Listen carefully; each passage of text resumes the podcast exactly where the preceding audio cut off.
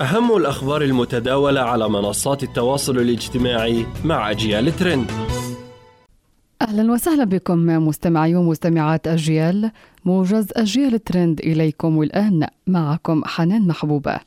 طور باحثون ألمان طريقة لتحديد الاضطرابات النفسية بناء على تعبيرات الوجه التي يقوم بتفسيرها وتحليلها.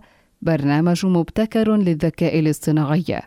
ويمكن لبرنامج الذكاء الاصطناعي الجديد التمييز بين الأشخاص غير المصابين أو المتأثرين بأحد الاختلالات كما يمكنه أيضا التمييز بشكل صحيح بين حالات الإصابة بالاكتئاب والفصام وكذلك الدرجه التي يتأثر بها المريض حاليا بالمرض. ويقول الأطباء إن الأفراد المصابين باضطرابات عاطفية يميلون إلى رفع الحواجب وتسديد النظرات الحادة وتورم الوجوه والشفاه أو الوجنات المتدلية.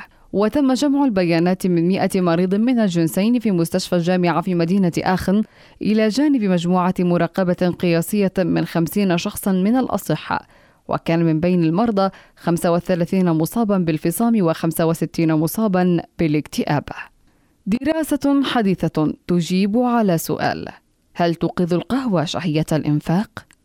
في نتيجة قد تفسر بعض سلوكيات الناس خاصة قبل القيام ببعض الأمور المعينة. توصلت دراسة حديثة إلى أن السلوك الشرائي للشخص يتأثر بشرب القهوة التي تحتوي على الكافيين قبل الذهاب إلى التسوق وأضافت أن النتيجة هي زيادة الإنفاق والشراء الاندفاعي أثناء التسوق. وأن تأثير القهوة ظهر بشكل أكبر على منتجات معينة عالية المتعة على غرار العطور الشموع المعطرة مواد الديكور والتدليك فيما انخفض تأثير القهوة على المنتجات منخفضة المتعة مثل أدوات المطبخ وأجهزة الكمبيوتر. واعتمدت نتائج الدراسة على تجربة وضع فيها الخبراء. آلة صنع قهوة إسبريسو قرب مدخل متجرين مختلفين للبيع بالتجزئة وعند دخول المتسوقين تم تزويد النصف منهم بكوب إضافي من القهوة يحتوي على الكافيين في حين حصل النصف الآخر على كوب قهوة بدون كافيين أو ماء.